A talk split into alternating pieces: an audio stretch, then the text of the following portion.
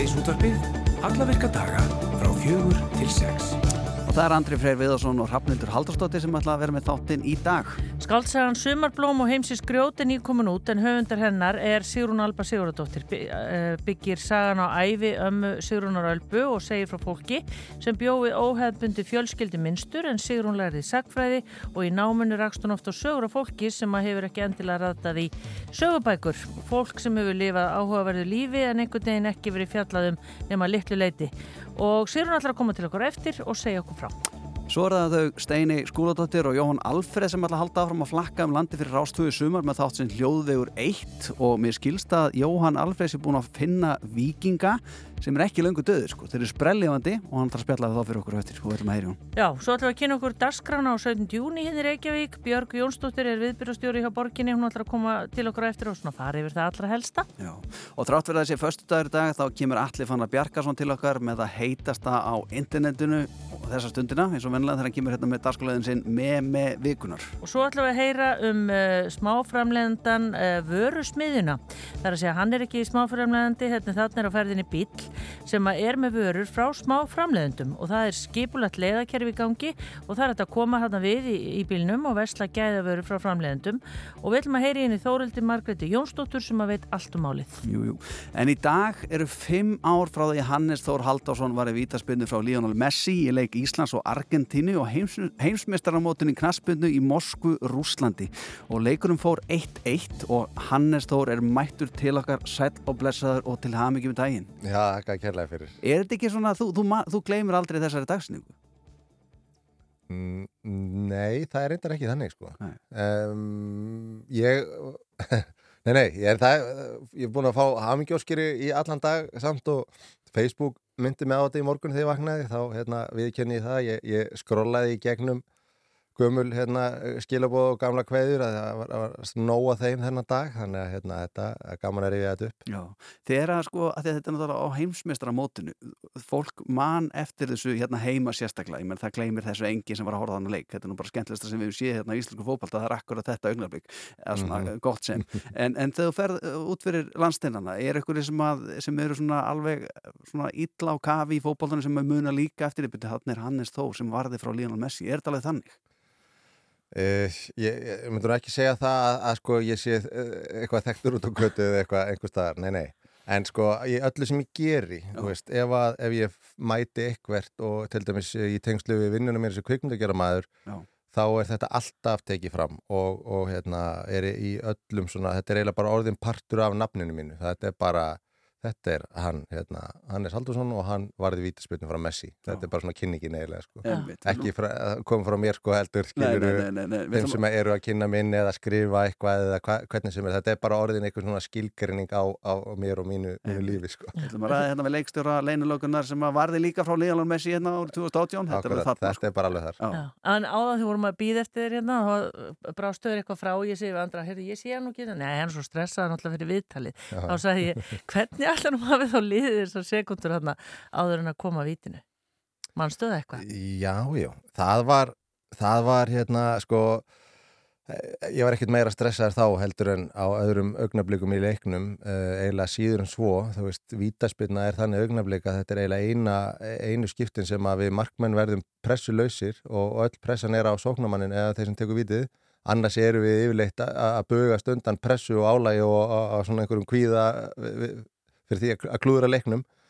Já, En, eh, þetta er áhugavert að heyra Já, þannig að þetta er eiginlega bara svona, það kemur hann upp svona stund þar sem þú hefur eiginlega bara allt að vinna og, og þegar þetta kom upp þá var ég bara, þú veist, það var náttúrulega alla taugar þandar og, og, og þú veist, þetta var svona mjög áhugaverð hérna, staða sem var komin hann upp að, að hann væri að fara að taka þessa vítaspilnu þá hugsaði ég bara, ok, úr því að þetta er svona, þá væri ég bara að reyna að taka þetta. Mhm. Við skulum uh, rífa þess upp uh, já, hvernig uh, Gumi Ben lístu þessu þegar að uh, þetta augnablik var þegar að Hannes uh, varði vítaspinnu Lionel Messi Messi, Messi, liftir inn á tegin, þetta er vítaspilna, það er að dæma vítaspilna og Hörð Björgvin Magnússon.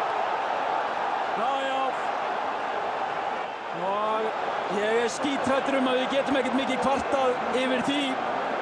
Gat ekki sé betur en að Hörður Björgvin að þið rekist hérna í hælan á honum hér. Og það er búið að dæma vítaspinnu. Erfitt að sjá hvort það sé mikið snerting en þannig sem ég sitt þá leiti þetta út við fyrstu sín fyrir að vera vítaspinna og það er Lionel Messi góðu eru hins vegar þær að Lionel Messi skora bara alls ekkert úr öllum vítunum sínum. Hannes Haldarsson yfir til þín. Þurfum aðeins að treysta á Guð og lukkuna og Hannes. Sjáum hvað gerist hér. Lionel Messi gegn Hannesi. Takt þetta Hannes. Messi, Hannes verður þetta. Já já, og Banega með sendinguna, þetta líka mér Hannes Þór Halldórsson Messi í einum bitana. Þetta er allt eins og á að vera núna. Guð er íslenskur Hannes líka en þá eitt eitt hér í Moskvu. Sko, ef þetta var Ívar Hamildur sem hefði verið, sem að Gummi Ben hefði verið að tala um þarna, þá myndum við kunna þetta utanbókar. Þetta væri bara svo lag sem við myndum hlusta á bara þau vöknum á mótnana. Ert þú búin að sjá þessa klippu oft og, og svona, það er illalikur aðurlega, oh, allt svo erfitt eitthvað, er hérna þess að Gummi segði mig hérna síndina.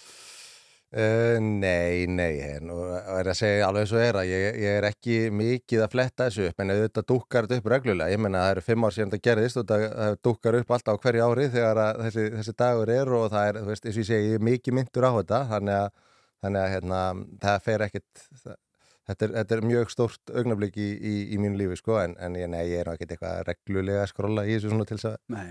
Pressa mig við, sko. En, þetta er svona síðan. Já, kannski. Ég er allavega mjög, hérna, þetta liftir mér alveg upp núna, sko. Ég við ekki hérna það, mér er mjög gaman að hlusta á þetta og maður svona er allir hérna á yði í sætun eftir þetta. Já, þetta er líka bara svo ótrúlega velgert hjá Gumma. Hann svona byggir upp spennuna, sko. Já, þetta er ótrúlega flott. Það fæði maður að tala um annan fámann. Endar svo á Já. Guði og lukkunni og Hannes og allt þetta. En verstu augnablikin voru sekundunar eftir vitið að þú varst að tala um stress og, og það, Já. að hugsaði ég bara okkur fyrst að þetta gerðist, mér lukkaðist að að ná að verja þetta, að þá verður þau verðum að koma honum í burtu, sko Já. þú veist, það hefði verið svo ógeðislega glattað að, að verja hann og svo bara hefði þau skorað úr einhverju, svona lekið einhvern veginn inn úr einhverju frákasti, sko Akkurat. og svo tók hún alltaf við mjög tens mínútur eftir þetta því að það hefði líka verið hundlegilegt að verja þetta víti og tapa síðan fjögur eitt eða eitthvað sko, þá hefði það ekki alveg haft sama, sama vægi, þannig að þetta var mjög svona tens hálftími sem tók við hana Mm. Eh, Hannes, það er leikur á morgun, það er Íslands-Slovakia og við erum með eh, nýja landslýsæðra Mhm. og uh, þú vantarlega fylgist ennþá með okkar mönnum og Já, já. hvað er að gerast í liðinu og svona. Hvernig líst þér á þetta og hvað, ertu búin að heyra eitthvað í strákanum? Er þeir að segja þér eitthvað svona baka tjöldin, hvernig þjálfarinn er og, og hvernig stemmarinn er í hópnum? Og...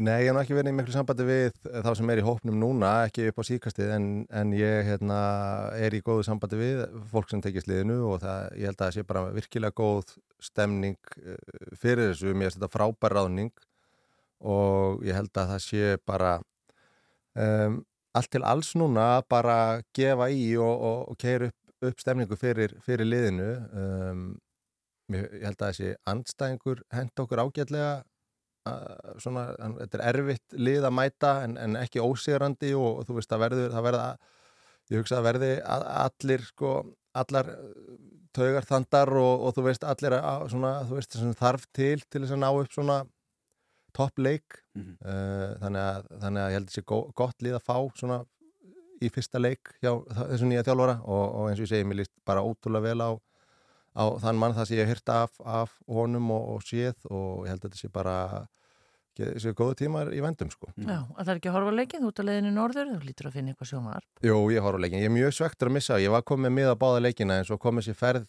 svona halva óvænt þannig að ég er að fara norður og, og austur núna eftir og hérna þurfti að gefa eftir miðanum mína, mjög svekkjandi en ég ætla að horfa á, á, á leikina þess alveg Eh, Hannes, eh, svona meðan þú keirir norður, þá er mjög góða frétti fyrir því því að það er meiri svona tengingar eh, landsliðinu, okkar svona besta landsliði hingar til, eh, því að við ætlum að heyra á eftir eh, í félaginu Rúrik Gíslasinni, eða heyra í honum. Hann er komin nýja hljón, hljónsveit sem heitir Ice Guys og Mhm. þetta er svona strákaband. Akkurat, og uh, það er lag sem heitir Rúlletta sem að við ætlum að spila mér líst hrikalega vel að það. Ég hef hirt lagi rúletta og þetta er frábær, frábær sumar hittari. Ykkur er svo margt til lista lagt þessum strákum. Þeir eru ótrúlega. Bara rétt í lóginn, hvað ert að gera núna? Ert að vinna einhverju verkefni sem þú vilt segja okkur frá?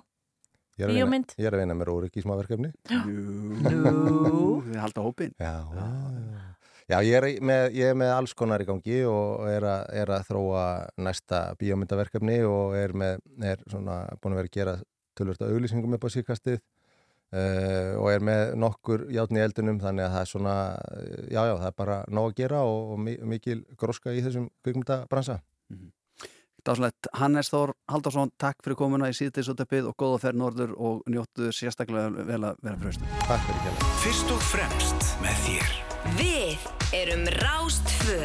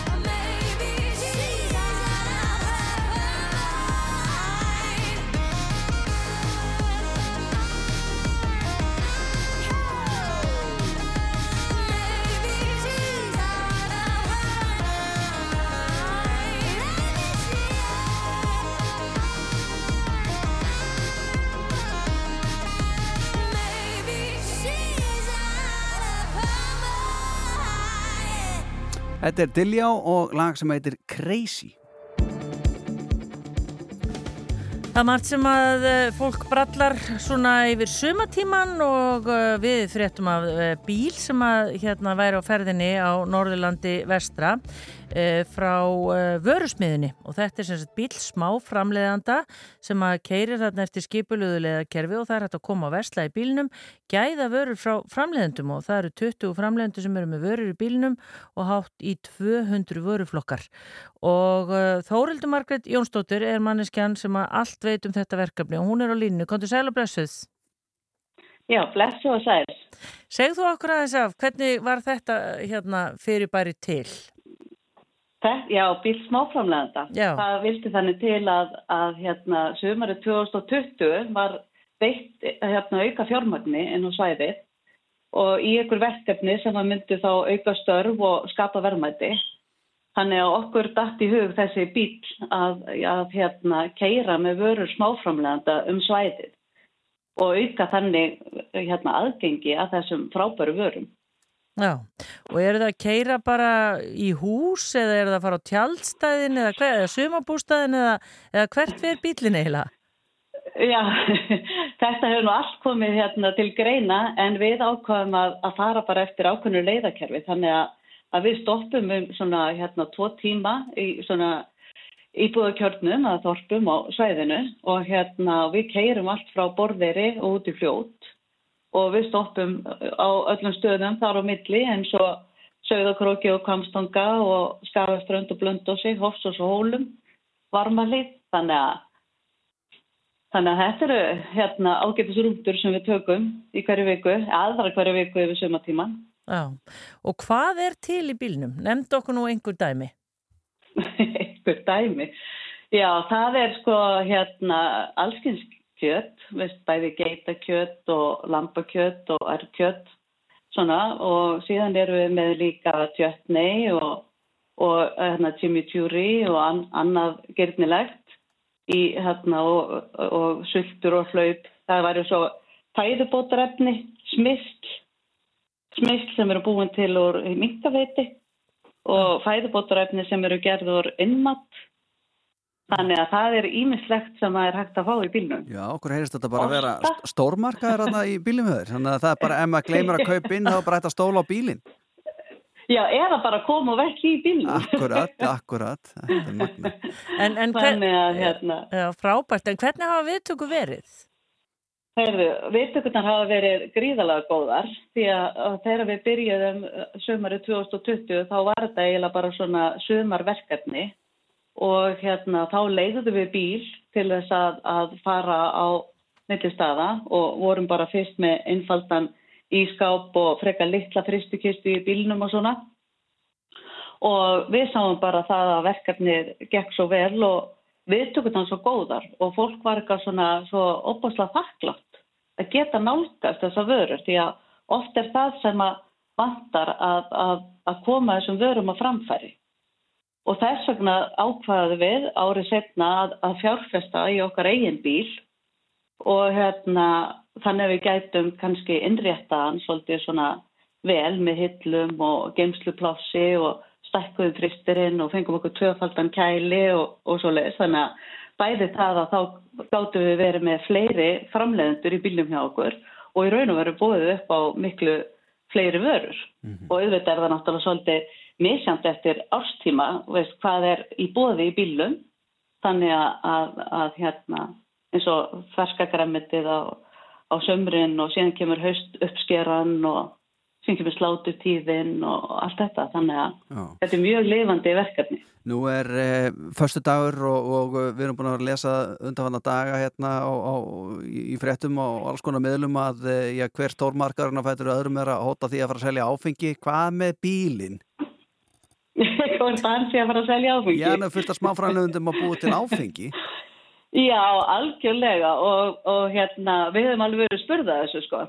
En hérna, við erum ekki með leiði til þess að selja áfengi í bílum, þannig að við verðum að láta það aðeins býða. Við erum gott. engungis með leiði til þess að selja hérna, hérna pakkar matvörur. Já. Já, en engin að- veit hvað framtíðin byrja skauti sér.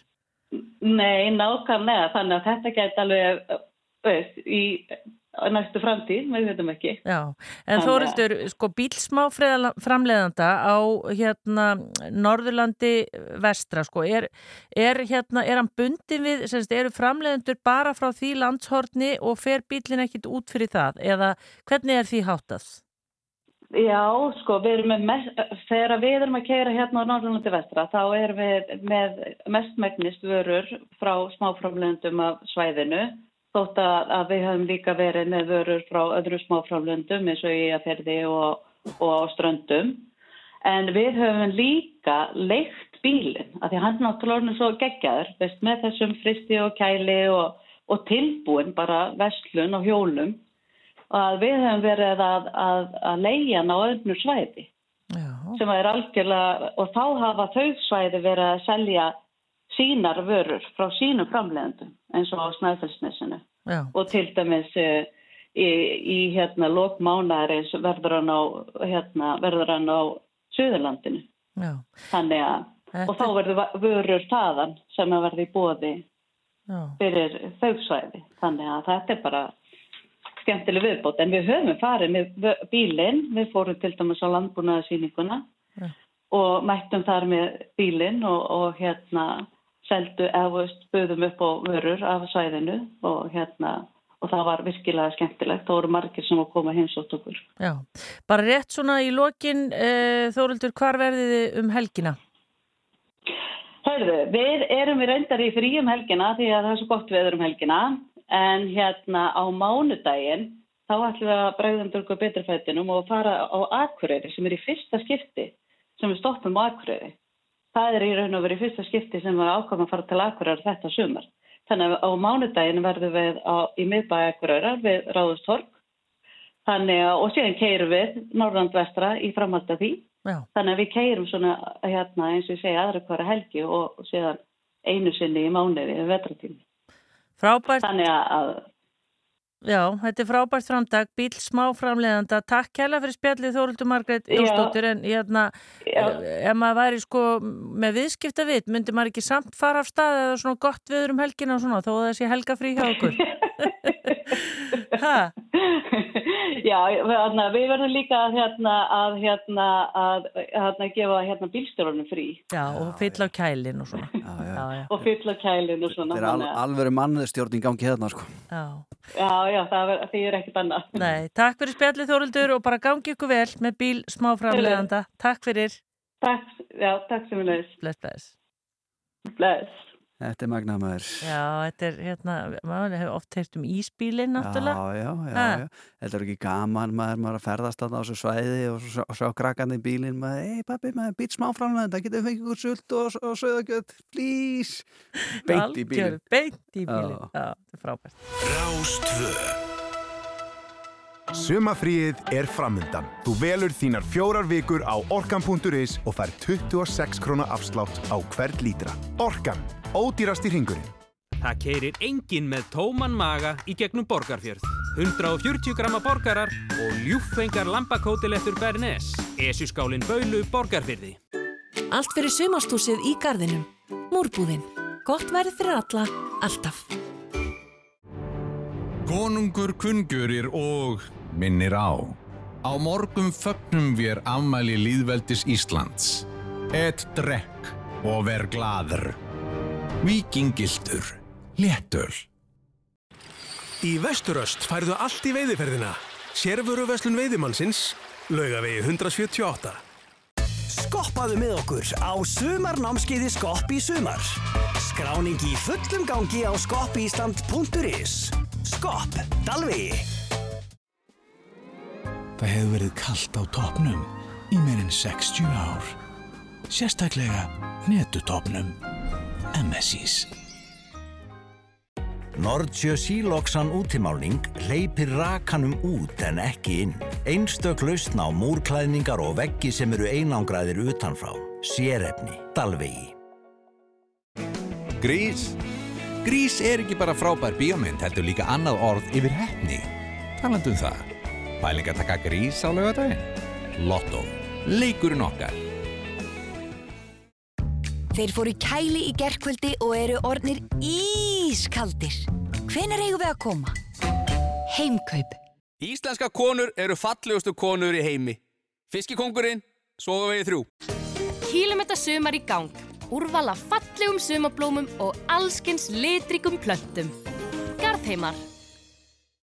Hvað eru stýrivextinir háir í dag? Æ, ámaður ekki frekar að vera að smyrja annara smörninga. Smörstöðin klöpp við vegmóla. Jæja, á ekkert að fá sér. Túle, léttöl. Lækkaðu rekstrarkostnaðin með Volkswagen ID Bus Cargo. Rafdrifnum atvinnubíl með góðu hlæðslurými, langri dregni og stafrænum eiginleikum. Kondu og reynsluaktu.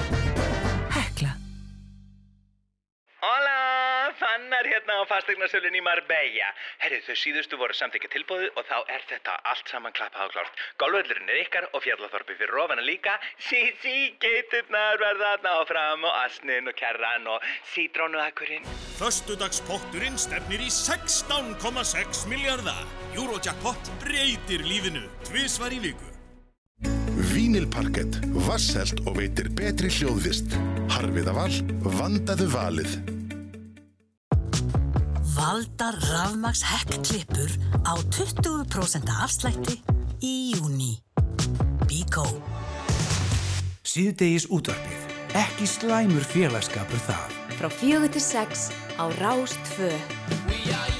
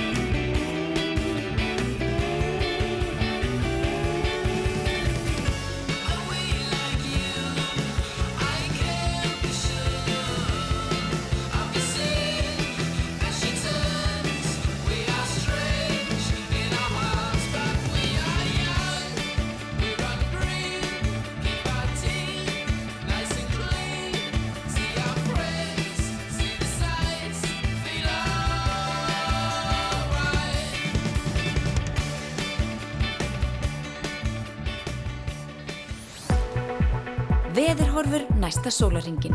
Já, sunguð er hérna All Right í Supergrass verður veðrið næsta sólaringin All Right eins og þau segja. Já, það er náttúrulega sko, maður er, er púaðu niður þegar maður segir að það sé gott viður inn í höfuborginni. Það er ekki alveg eins heitt eins og við annar staðar en það er frábært viður. Já, já, já. já. Og hérna... Sjúklega heitt hérna. Já, það er bara, fólk lappar hérna um á stuttamabólunum sko. Hannes, hann kom inn á stuttamabólunum. Já, ég vissum að þetta finna fólk eitthvað stærri stöpusum í fórsaleg sko. Já, já, já.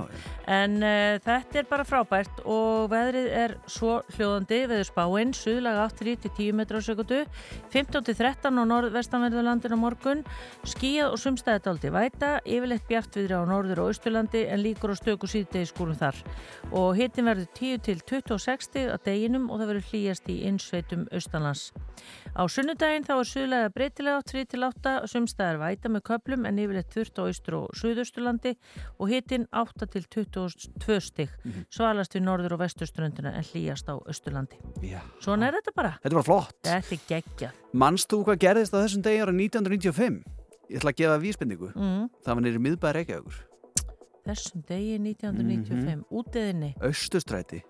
Eh, stað sem tengi, lá við Östustræti. Já, kveiknaði. Nei, Nei. nei. Eh, sko McDonalds var opnaður á Hressingarskála. Já, 95. Já, 95 já. Og 2008 þessum degi þar var Ísbjörn eða Hraunbyrna sem að koma á landa við Hraun á Skaga. Ég man eftir því hins Já, vegar, ég man vegna þess að Fólki, börnin í aftursætinu sögðu mamma og þarna er Ísbjörn Já. Nei, þetta eru kindur Akkurat. Sögðu fóreldrarnir Akkurat. Nei. Nei, nei. Krakkarnir höfðu rétt fyrir sér og uh, þetta var öldru Byrna sem að, uh, var náttúrulega bara skotin daginn eftir og það á þjóðháttiða daginn, hugsaðir. Já.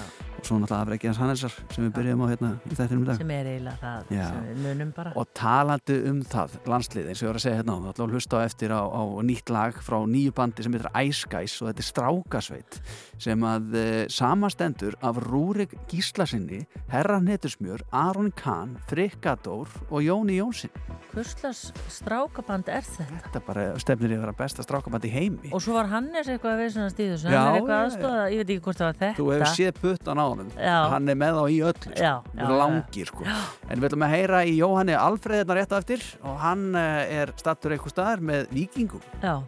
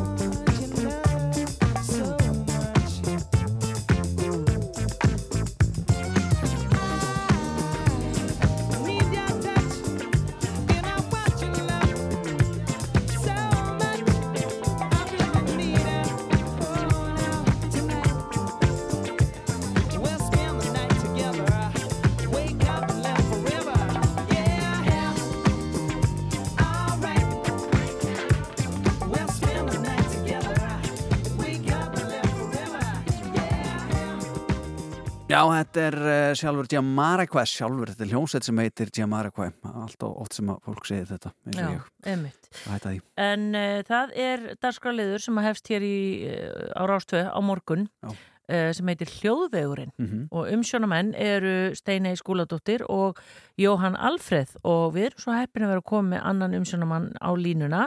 Jóhann Alfreð, kontu sætla blessaður Já, sæl. Gaman að heyri ykkur Sæl. og það var gaman að ég heyriði ykkur aðeins voru að tala um veðrið Já. og veðrið á höfuborgarsvæðinu því að við ætlum að vera hérna á hljóðvegi 1.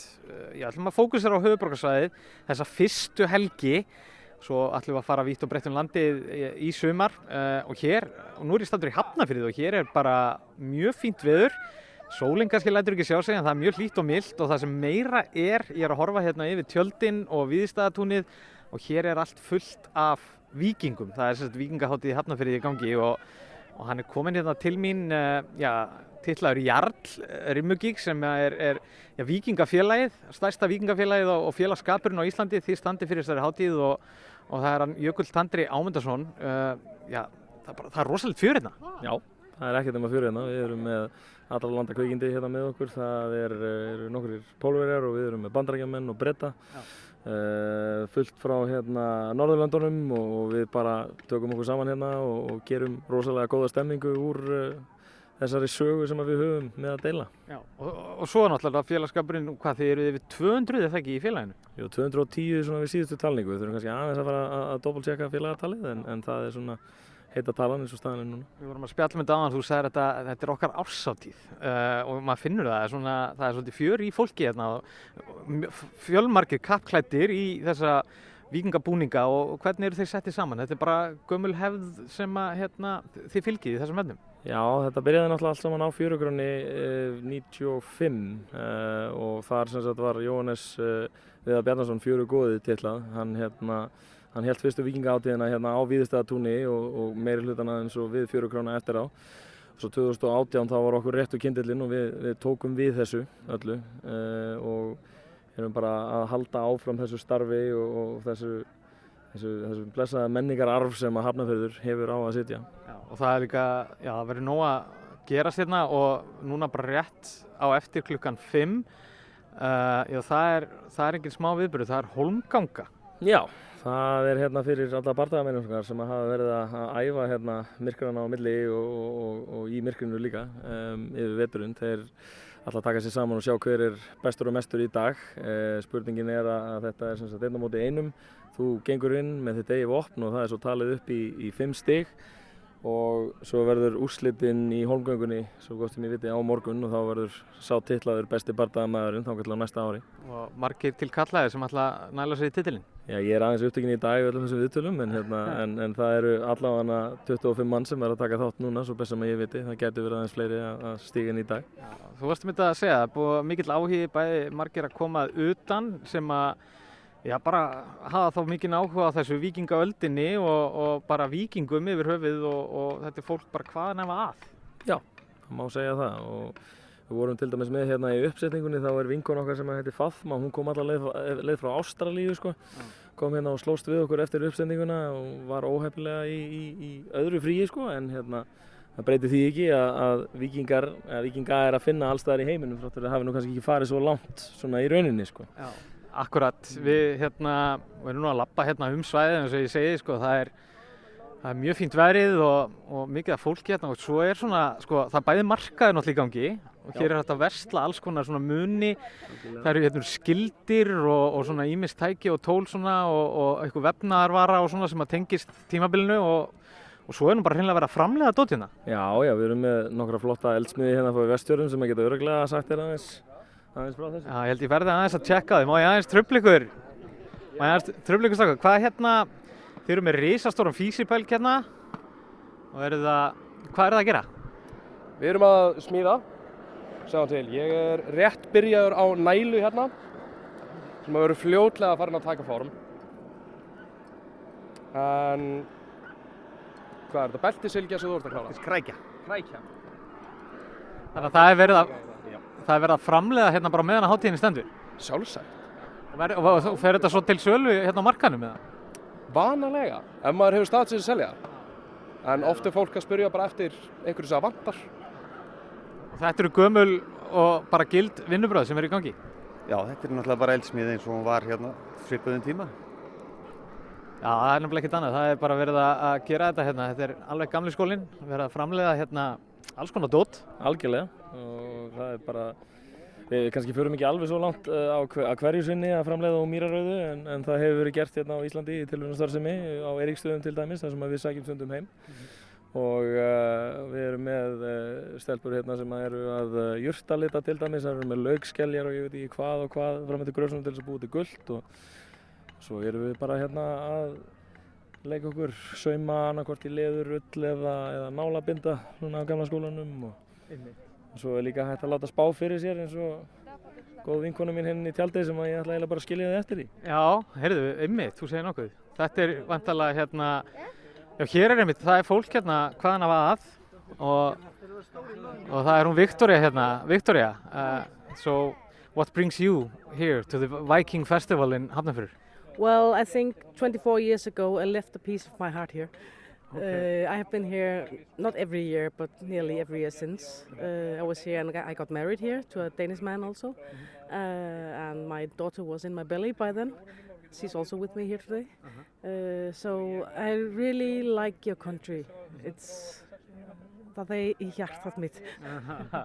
Okay, and, and uh, you're sitting here and uh, I can see that you have all, all sorts of uh, nice things for sale. You, you've been doing some, uh, this, is the, this is like a Danish design maybe. No, but it- it's not m- mine, those. I'm just selling my books because I'm an author. I've been written about Asatru and also about being a vulva. And uh, I read, I'm reading runes for people, making rune readings. So I was thinking if you would like to drag a rune and we will see what advice the rune will give you. Andri og Hrafnildur, höfum við ekki smá tíma hérna til þess að láta spá fyrir mér í, í rúnina væri, Victoria maður. frá, já, Þú sleppir er ekki. spennandi, of, of course, herði, ég ætla að draga hérna eina rún úr pókanum frá henni Viktoríu, þetta er völvan frá Rípe, er hún kölluð, so what, what can we see here? This rune is called Madur, and Madur is saying that there's a lot of people around you that want to help you, but they cannot read your mind. So ask for the help, you will have it. Þar hafið það, uh, já, ég bara, þetta er bara frábært og, og, hérna, og þarna er ég komið með svona vísdóms og spádómskorn hérna inn í helgina.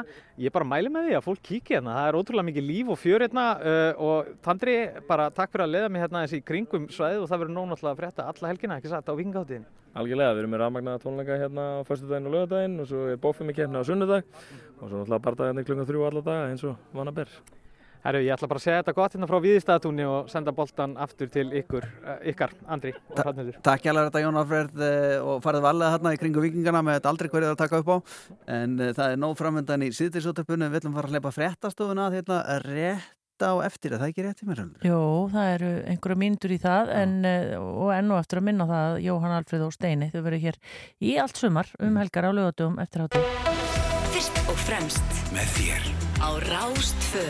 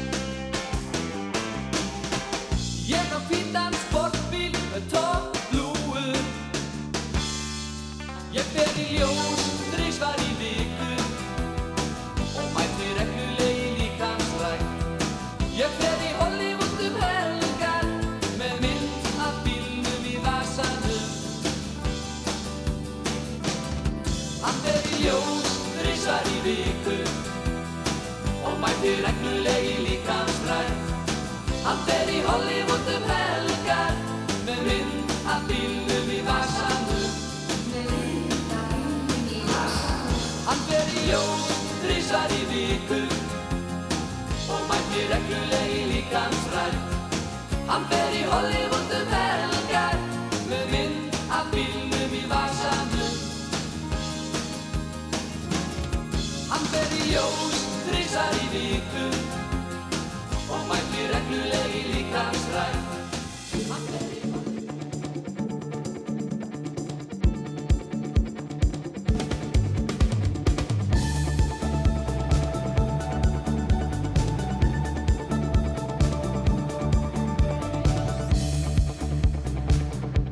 Það höldum við áfram í síðdeis útdarpinu, við ætlum að heyra uh, næstu mínutunar uh, af uh, bók sem að koma út núna í april, skáldsögu sem heitir Sumarblóm og heimsins grjót.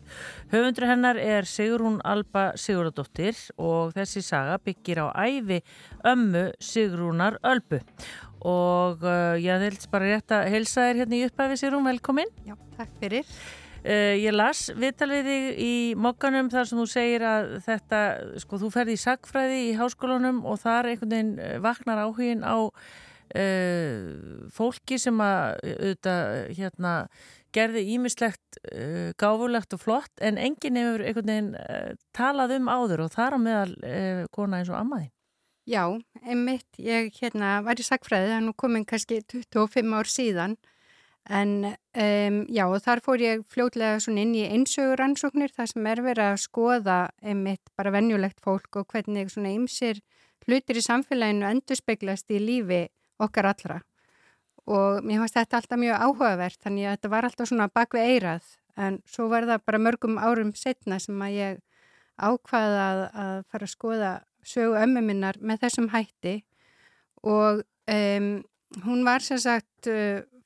Fættist á Seyðisfyrði 1907 og ólst upp í tölverði fátækt og fekk litla mentun og er, var þess vegna ekki hérna, eina þessum konu sem heldur dagbók eða skrifuðu bref. Það voru mjög litlar heimildi til um hana Já. og þannig er það um margt fólk. En, en, en það hefur samt kannski merkilega sögu að segja og búin að lifa sko, innihaldsríku og, og viðburða ríku lífi sem að mér fannst einhvern veginn að mætti ekki gleymast. Nei, en talaður tókst upp á segulband eða hvernig þið náttúrulega vorum mjög nánar? Já, við vorum mjög nánar og, og hérna amma bjó bara í húsinu á móti húsi sem að fjölskylda mín bjó í og hérna ég var mjög mikið hjá henn og við töluðum mikið saman en, en það var aldrei þannig að, að ég tæki við henn að formlegt viðtal og hún dó árið 1995 og þá var ég 23 ára og það hafði líka mikil áhrif á mig einhvern veginn. Já. Sko með ömmur mann, svo amma mín hún fæðist líka á segðisfyrir og það er alltaf einhvern veginn að þú veist hún ringir í mann og nei maður ringir í hana og þá svarar hún og segir ég fyrir geðu sér að tröfla þig. Og það er allt einhvern veginn svona. Og það sett eitthvað á borða þetta er bara eitthvað, þetta er örgulega rosa vond og þetta er alltaf, þetta er alltaf svona viðbyrðin sem maður fær frá henni. En hvað heldur að ömmuðinni myndir hún finnast um að nú bókin komin út og þetta er svona ákveðin upphefð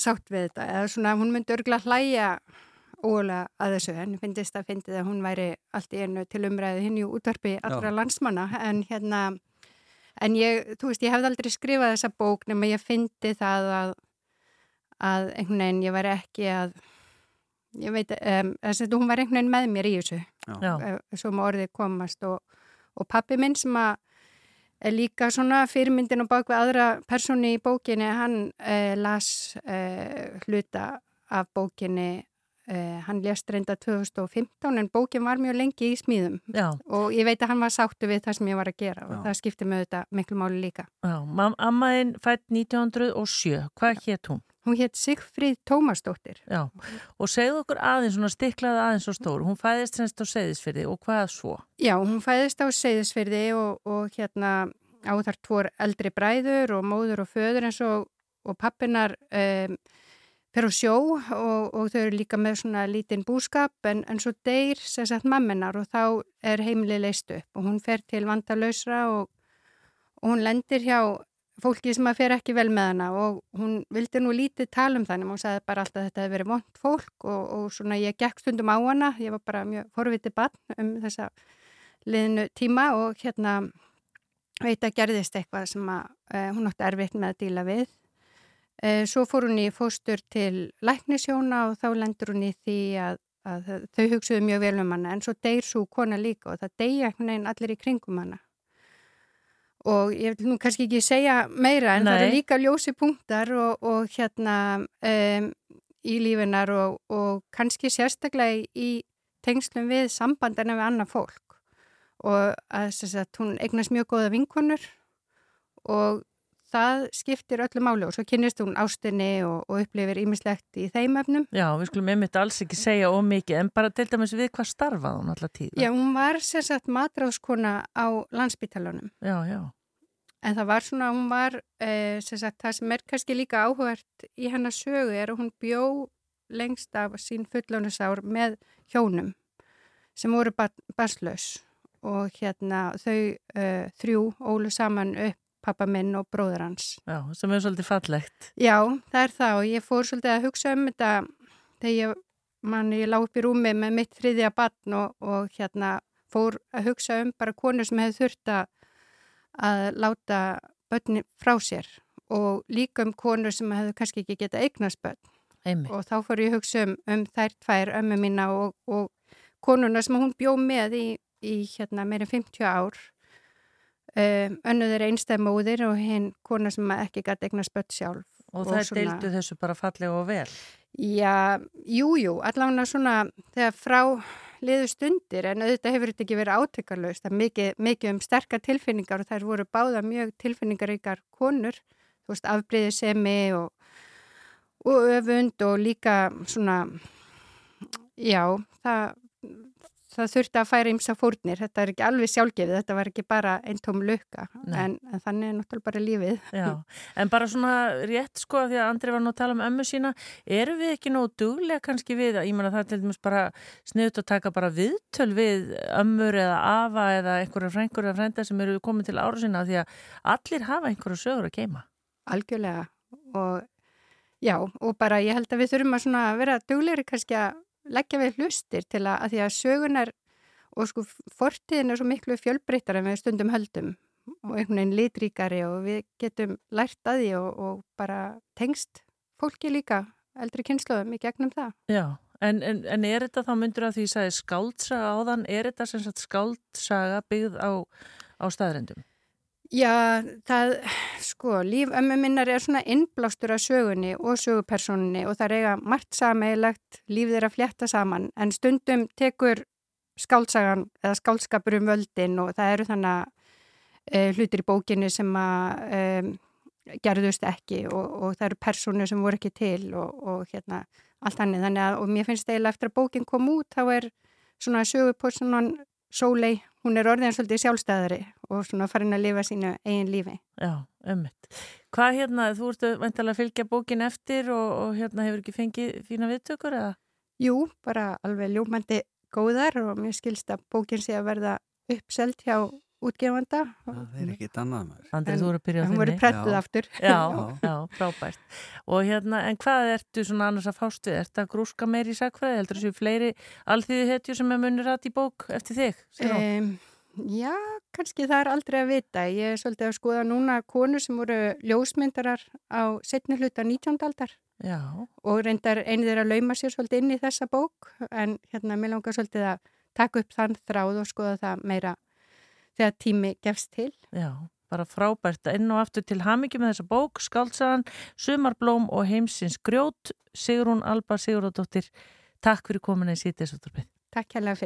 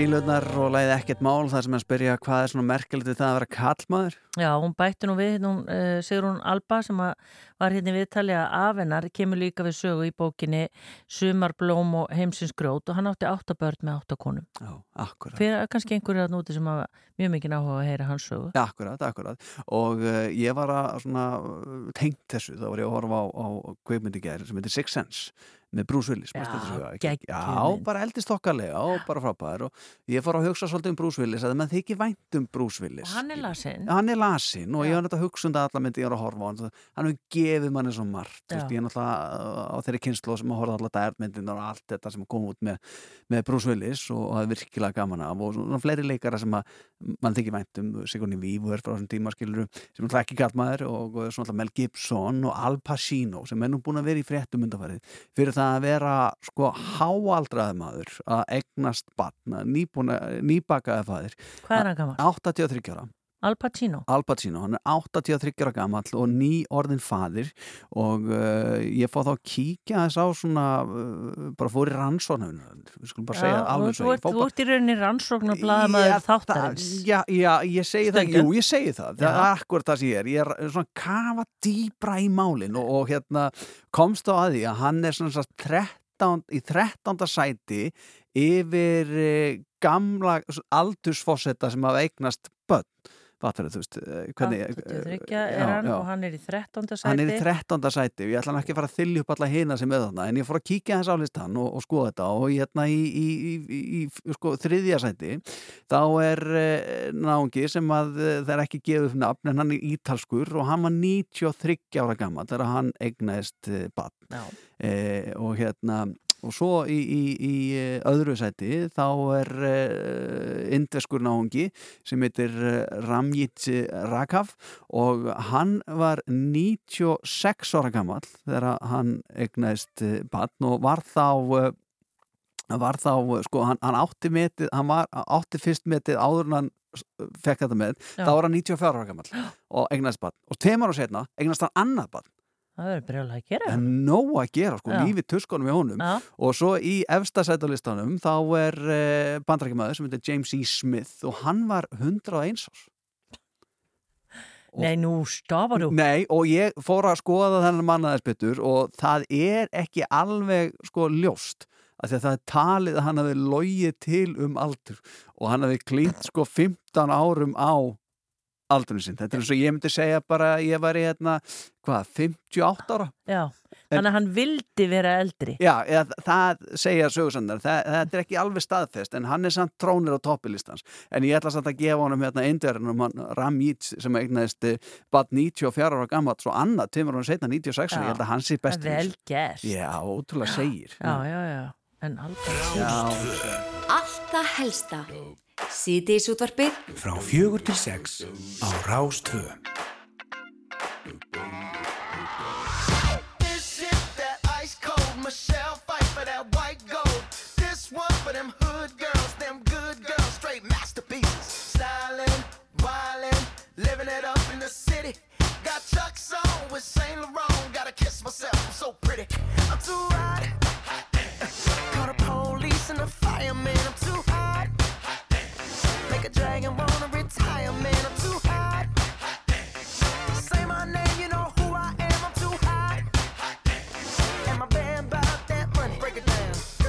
Hit you, hallelujah.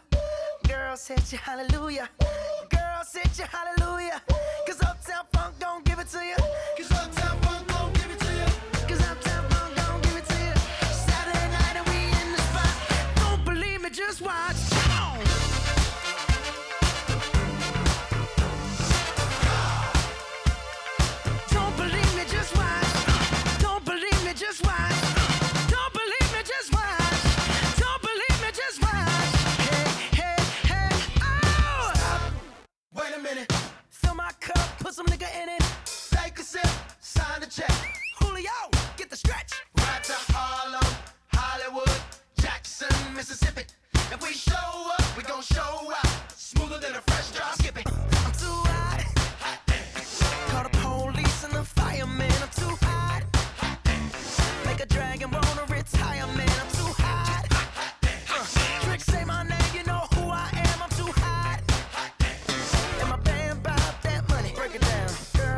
hallelujah.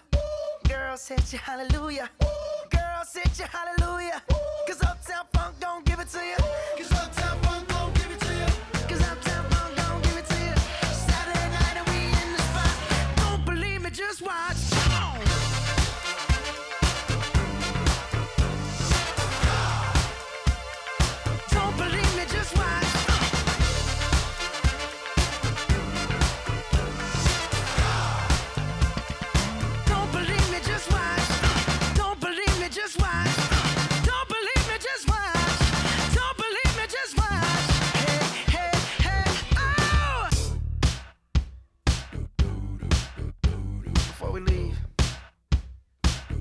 Me tell y'all a little something. Uptown, funk you up. Uptown, funk you up.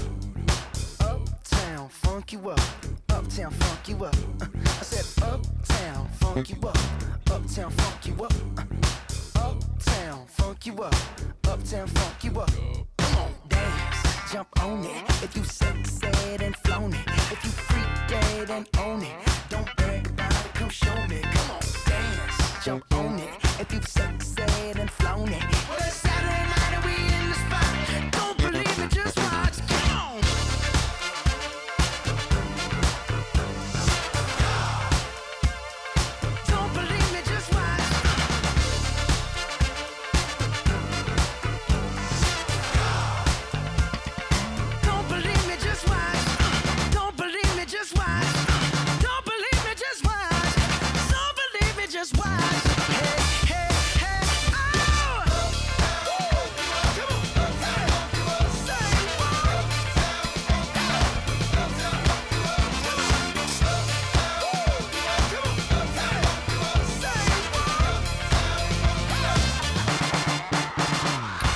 Þetta er eh, Mark Ronson og Bruno Mars og Uptown Funk heitir þetta lag en við ætlum að halda áfram í stuð músík og það er komið á frumflutningi hérna á rásinni. Já, þú er búin að vera að tala um þetta lag síðan þátturinn byrjaði Já. með ljónstinni Ice Guys. Ice Guys, þetta er uh, nýjasta strákaband uh, Íslands og þau hafa nú alls ekki verið mörg Nei. og margir eru ægilega spendi fyrir Ice Guys því að þarna er náttúrulega Rúrik Gíslason sem nú verið að fykta við músík uh, undanvata mánuð og ár og uh, bara gengið þokkalega eða ekki. Jú, jú.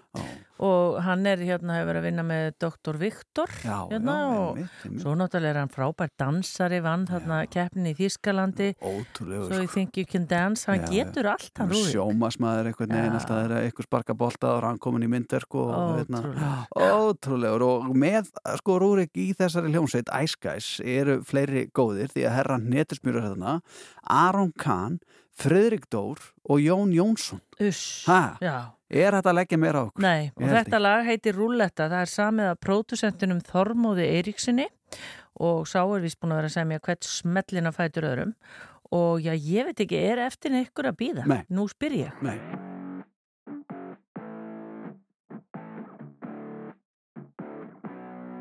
Hún snýr mér í ringi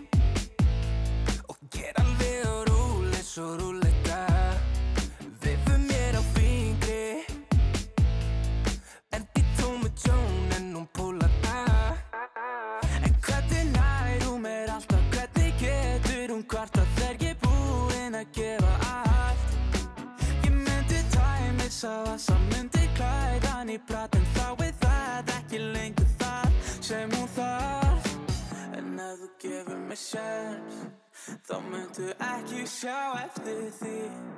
Ef þú átt til eitt augna blik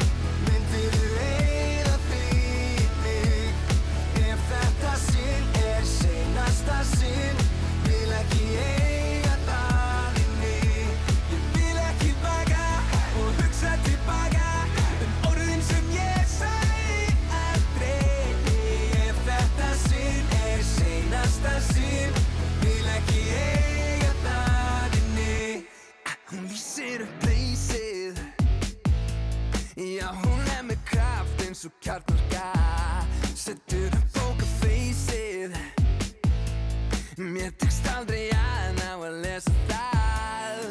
Já, bara hvernig hún ánga lætur mig Alltaf langa að fá að fikra mig aðeins næ Ég gæti gull græna skóa sem hún vil meira nóg En þá er það ekki lengur það sem hún þarf. En ef þú gefur mér sjæn ekki sjá eftir því. Ef þú á til eitt augnablík myndir þú eigða fyrir mig. Ef þetta sinn er seinasta sinn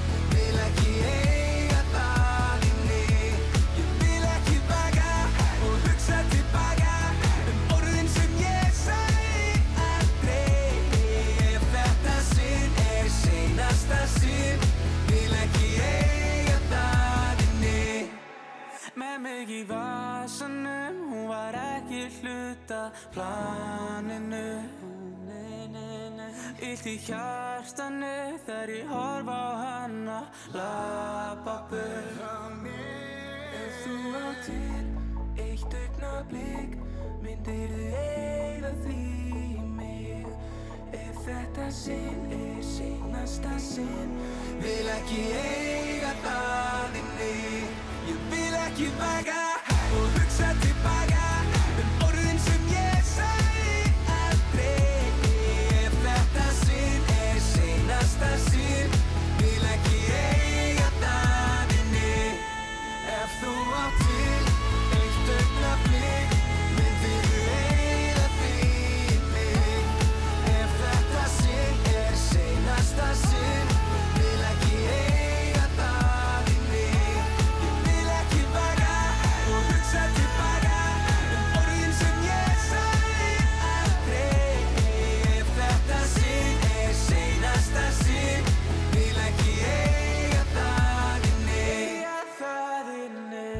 Og eins og margóft hefur komið fram, þá er 17. júni á morgun og þá eru þetta mikið um dýrðir um allt land og hérna menn tjálta svona til uh, sínu allra besta og þar á meðal hér í höfuborginni í Reykjavík. Við erum búin að fá til okkar Björgu Jónsdóttur, hún er viðbyrjastjóri hjá borginni, velkomin. Takk fyrir. Það lítur að vera alltaf fullu í undirbúningi eða hvað? Jú, jú, þetta er, við erum svona, erum núna að nýta bara alla lausa enda. Já. Þannig þetta er alltaf fara að gerast. Er ekki 17. júni svolítið svona bara fastheldnin? Það má ekki breyta mjög miklu. Jú, það er bara algjörlega þannig, þú veist, við á sér í lægi þessari hérna, morgunatöf sem er haldinn hann á Östurvelli. Það hafa verið sungin þar sömu lögin síðan 1944 og, hérna, og, og sama uppröðun og, og þannig að við erum ekki mikið að breyta þar. Nei, og hverju koma þanga? Er það bara góðborgarar þessa, þessar borgar? Já, það eru, það eru fórsetisráðanitið og, og auðaríkisráðanitið og alltingi þeir sjáum að bjóða á þennan viðbjörn þannig að við fáum marga erlenda gæsti sem, sem eru hérna, verða vitni að, að þessu þegar blómsvegnum er komið fyrir við stýttun á jóni og svo er náttúrulega, svo er almenningum að sjálfsögðu búið að koma og fylgjast með og hérna, að það er, þetta er alltaf voðalega hátilega stund þegar þetta er gert. Já, þetta er svona byrjunin. Já. Og svo gerist hvað? Svo er, svo hérna, svo reyndar er, svo, svo fyrir við reyndar líka að skreppum upp í kirkjugar líka, Hólavallagar, þar sem hérna reykvíkingar, þú veist, er eh, hérna leggja blómsvega leiði Jóns og Ingibergar, það er alltaf voðalega skemmtilegt líka, en náttúrulega aðalmáli er skrúgangan, myndi Já, ég segja. já. Það, veist, þá við verðum með skrúgangu sem hefst klokkan eitt upp á Hallgríms kirk, kirkjutorki og, og, hérna, og þar eh, hérna, verður náttúrulega þessi þetta hefðbundna, sjálfsög, skátanir og lúrasveit og, og svo ætlum við að frumsýna hérna uh, örnin Ardísi Össu sem er, er nýbúið að búa til fyrir okkur og hún verður hérna í skurugöngunni á samt alls konar hérna, pop-upi, svona eitthvað svona skemmtileg karnivalstemming sem verður hérna í skurugöngunni. Hvaðan fer skrúgangan? Skrúgangan fer frá Hallirkirkju niður á veist, bara skólarstíðin og bankstrætið og, og, og niður á Lækjagötu og þaðan út í hljómskólagarð. Já. Og þar, tek, svo, það, og þar tekur þó svo við bara svona fjölskyldu dagur og skemmtun. Við erum með, verðum með uh, tónlist á stóra sviðinu og það verður til dæmis bókamil font allar að vera þarna flott, langisili og Inspector Spacetime. Og svo erum við bara með alls konar viðbyrði svona skemmtilega poppa viðbyrði þú veist, sirkus, dans uh, hóla lay of, uh, hérna, hoppukastala þú veist, frítt í allt og matarvagnar svo fóreldrar geti nú fengið sér hann að borða og svona meðan börnin eru hann í, Í kandifloss? í kandiflossinu. Já, já, og svona snutusleikjó. Já, ég gerir ráð fyrir að skátarnir sjá, þeir, þeir, þeir svo, hérna, þeir sjá okkur fyrir þessu. Já, einmitt. Er, eh, sko, við höfum oft verið svona í 17. júni skrúðgöngu í regningu og Mhm. skítaveðri Mhm. og ég man nú einu svona eftir því að það var bara snjókoma Já. en það var nú fyrir austan, eh, það sem Já. er ekki snjókoma núna en, en hvernig lítur þetta út á morgun? Er þetta ekki bara þokkalegt? Bara lítur vel út. Allan að, mér sýnist allan að hanga þurrt Mhm. og þá erum við bara svo glöð. Og hérna, og, og ekki, þú veist, bara ekkur er nokkrir metrar á sekundu, Já, sem mér, þannig að Þetta er. Þetta væri bara Já. fínt, sko. Það verður maður fær bara sólstinga eitthvað ef maður, ef það verður mikið sól. Já, við viljum það ekki. Nei, það, það er gott að geta gleymt sólgleðurunum heima á degi eins og 17. júni þegar maður er að huga að svo mörg öðru. Ég sko. veit það, það er nefnilega er þannig. Mm. En hérna bara rétt fyrir þá sem bú ekki nálægt og get ekki lappað nýr bæ, Mhm. hvað, á fólk að gera hvað ráðstafinu varandi það? Sko, það Það er náttúrulega sjálfsögða hérna í kringum svæði þar sem skrú- skrúðganga fer að sjálfsögða meðan það stendur, e, meðan hún, stendur yfir.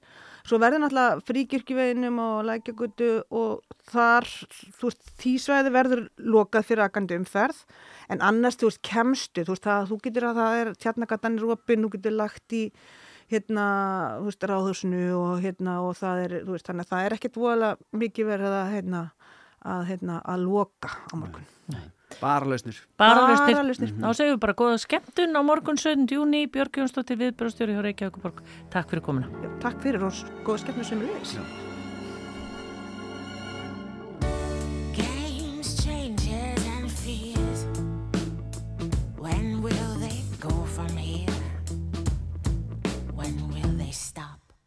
I believe that fate has brought us here, we should be together, babe.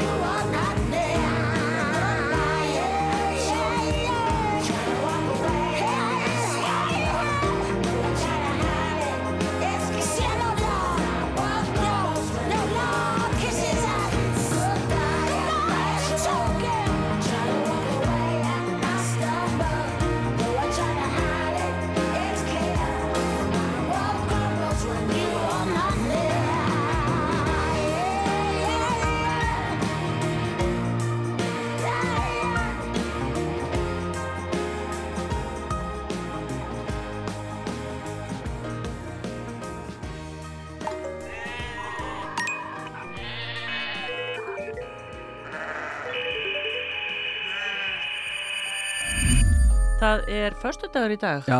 Fólk eru sennilega búið átt að sjá því. Já, 17. júni á flestir, morgun. já, jú, jú. En vanalega erum við með okkar mann á 50 dugum með með vikuna. Jú, jú, þú að væntalega að tala um alla fann að bjarga Já, en einhverja luta vegna komst hann ekki í gær, en hann er komin í dag. Velkomin. Takk, heldur betur. Já, ég ætlum mig, hvað séru, hvað á að fjallum í dag? Að því að þú kemur degi og seint, Já. þá gerir maður svona ráð fyrir því að þú hefur leið yfir ykkur Einmitt. með meðinu og, og hérna kafa djúft í málin. Nú þarf þetta að vera ekstra gott. Já. Nú er ég með svona smá sög, Mm. alveg svona, svolítið svona, eh, þetta kannski byrjar sem sorgarsaga, okay. en ég held hún endi bara nokkuð vel. Já, ég er bara eyru. Já. All ears. ég sé það. Sko, málið er að hérna á dögunum kom til landsins uh, áhrifaldur frá bandaríkunum, svona TikTok áhrifaldur, með Joshua Block, mm -hmm. rúmlega 20 strákur sem að sem að sló í gegn fyrir nokkrum árum á TikTok, hann fótt til New York hann er svona svolítið sérstök típa hann er hann fer svolítið, svolítið fyrir honum. Hann er með einhverju og er svona eh, var að, var að eh, ta- far, fara til New York og, og, búa til alls konar mymbönd þar og sló í gegn. Já. er komið með sko 2,5 miljón fylgjenda og er orðin svona stór á TikTok. Hann sérst að kemur til landsins og er, er uh, alveg svona einmitt þekktur í TikTok samfélaginu sem er svona svolítið sem við þekkjum ekki alveg, þetta er bara heimur svolítið utan okkur, okkar svona búblu, þannig að það, það þekkt hann allir hérna á Íslandi svona krakkarnir já, já, unga fólkið. Og hann eh, kemur og er bara já, skoða sig um og, og borða pulsu og fara í blálónið og gera sem fólk gerir. þetta, já, þetta. og drekka svolítið stíft. Já. hann er alveg svona Fyllirættur Já, Já. hann finnst alveg gott að fá sér Já, já. og sýnir það á TikTok, hann sett inn tugi myndbandi, þetta er alveg ef við erum að tala eitthvað um landkynningu, þetta er allt með sko, minnst að kosti 100.000 áhorf og hann eitthvað í Reykjavík að spíkspóra um. Nema hvað, hann fór líka á djamið og hann er alltaf með svona, alltaf með svona sjóarahatt Já. sem var eitt af hans svona svona, hvað ég segja, svona, svona vörumerkjum. Eða þannig, svona já, ein, einkennismerkjum. Og hatturinn er stólið Nei Jú, á, á, á djaminu einhver, einhver, einhver íslendinga með vesen Getum við ekki hagað okkur einu sinni? Nákvæmlega Og er þetta landkynning? Akkurat. Eh, Nákvæmlega, hvernig erum við að taka á móti fólki hérna? og hann, hann eh, lendir í þessu og þetta er auðvitað bara eins og í þessum heimi bara gerist bara í beitna á TikTok ekki bara hans TikTok síðu Nei, nei, nei. þar sem hann er bara eh, að segja frá þessu og þetta er svona uh, frekar svona uh, hvað, þetta er bara sorglegt að, að horfa upp á þetta en svo er, er, eru kannski fólk sem hefur hópast í kringum það sem er í gangi, er í gangi og líka tekið upp. Þannig að þetta er einhvern veginn alltaf á TikTok. Já, já. Öll, allar þessi, allar þessi atbúru rás Já. og já, þetta er auðvitað hundleðir og hann þetta, tók þessu mjög illa og hann og var með, með sári við þessu. Þetta var svona hattur sem var búin að vera, vera í hans myndböndum bara mjög lengi. Nema hvað en, en, svona íslenska TikTok svona samfélagi brestlóti við og það fara svona, stórir áhrifaldar á íslenska mæli hvar að fara að forda með þessa hegðun Já, já. þeirra sem gerðu þetta Standa saman Já, Já, já. svona TikTok er að standa saman og eru, það eru ímisnöfn sem á svona tjásu um þetta og segja, segja fólki eins og við segja hennar bara að reyna að haga sér Mhm. og svo mætir á svæðan Brynjar Karl Já. sem að við þekkjum sem, sem, hérna, hann var, sem ungu drengur að smíða já, já, já, meistari. Já, Já. Og hann, hann, sagt, segir, hann mætir á TikTok og segir smá sögu hann sá þetta gerast Aha. eða sérst, sá TikTokin Já. og þegar hattin var stóli og, og þetta svona tengdan við, við, við sögu Joshua, hann er með einhverju sjálfur og, og svona og, og hefur náttúrulega talað mjög mikið um það Mhm. og hann fer og hann á svona sjórahatt Já. Alveg eins. Já, bara mjög svipan, er þeir, þeir eru sko. með svipar þessi hattar Lego, úr Lego. Nei, Nei. bara venjulegan hatt. Sem hann fekk í samt svona ferðalagi út að hann að smíða Titanic. Já, já. þannig að hann fekk gefins einhvern tímann svona sjóarhatt í tengslu við það, mann ekki eh, ykkur úr landi. Þannig að ferðast um allan heimi þetta skip. Já, já. og hann finnur Joshua og gefur honum hann hatt. Er ógeðslega þetta er fallegt, fallegt þetta er sko, toppmaður. Og, og Joshua setur upp hattin og tekur mynda sem með þennan hatt Mhm. segist að það fengi nýja hatt vegna þess að einhver, einhver bjáni stál hinum áður en hann svo fer eh, heldur áleiðis til Fraklands þar sem hann er stattur núna er að halda áfram bara sín, sín, sínum leik að, að, að búa til TikTok-efni Já. en það er, það, þannig endaði sagan vel sko. Vá, þetta var samstæðan Og er þetta bara nummer eitt á TikTok? Þa, þetta er svona bara það er uh, númer eitt, þetta er alltaf sé ekki svona á íslensku svona íslenska hluta TikTok sem þetta er það sem er svona í gangi Já.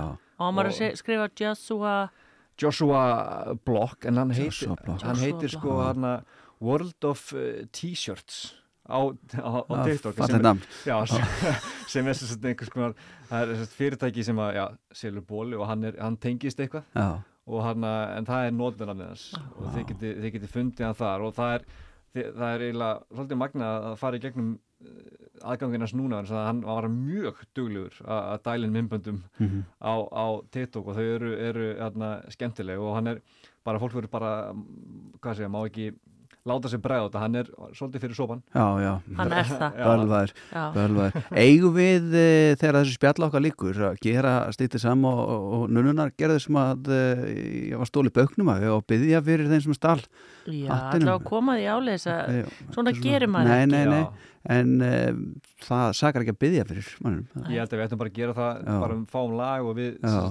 Eitt í lokin samt allir, þegar þú ert nú alltaf svona að fylgjast mikið með hérna hvað unga fólk er að gera og svona uppar okkur hérna í sýttisóttarpinu og Já. hvað er í gangi og svona og oft hefur nú tekið fyrir hérna alls konar svona ef maður fara að sletta eh, svona lingó yfir eitthvað hluti Já. eins og bara meme skilur og hvað eh, þegar að krakkarnir í dag tala um messenger Já.